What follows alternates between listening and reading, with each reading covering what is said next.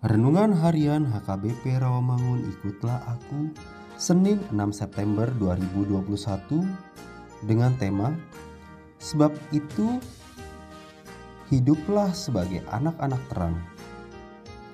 Bacaan kita pagi ini tertulis dalam Yosua 6 ayat 1 sampai 21 dan bacaan kita malam ini tertulis dalam Ibrani 11 ayat 29 sampai Ibrani 12 ayat 2.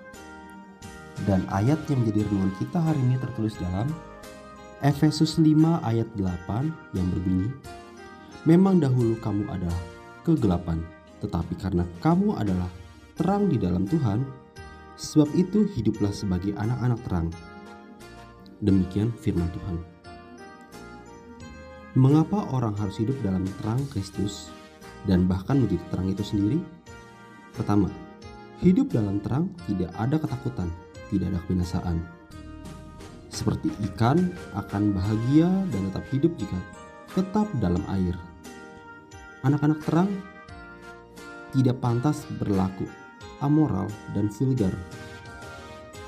Menjauhi perbuatan jahat tidak berarti membuang orang yang melakukannya jika orang percaya menjauhi orang jahat, bagaimana ia bisa percaya kepada Yesus dan diperbaharui? Jika tidak ada yang mengasihi orang yang amoral dan vulgar, siapa yang akan menanjani perbuatan tersebut?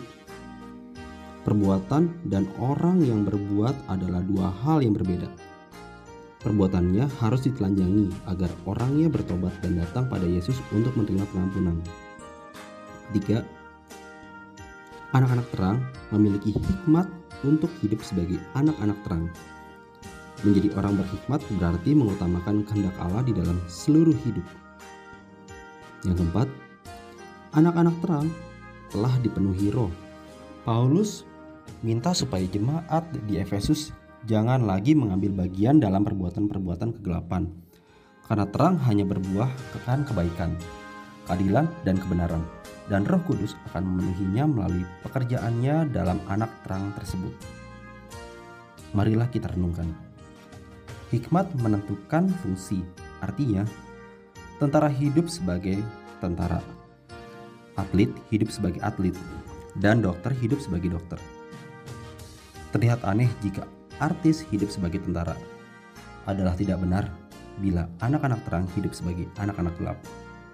Marilah kita berdoa. Ya Allah, biarlah kami senantiasa menjadi anak-anak terang dan terus berjalan dalam terangmu, agar dengan perbuatan kami dapat menunjukkan terang itu. Amin.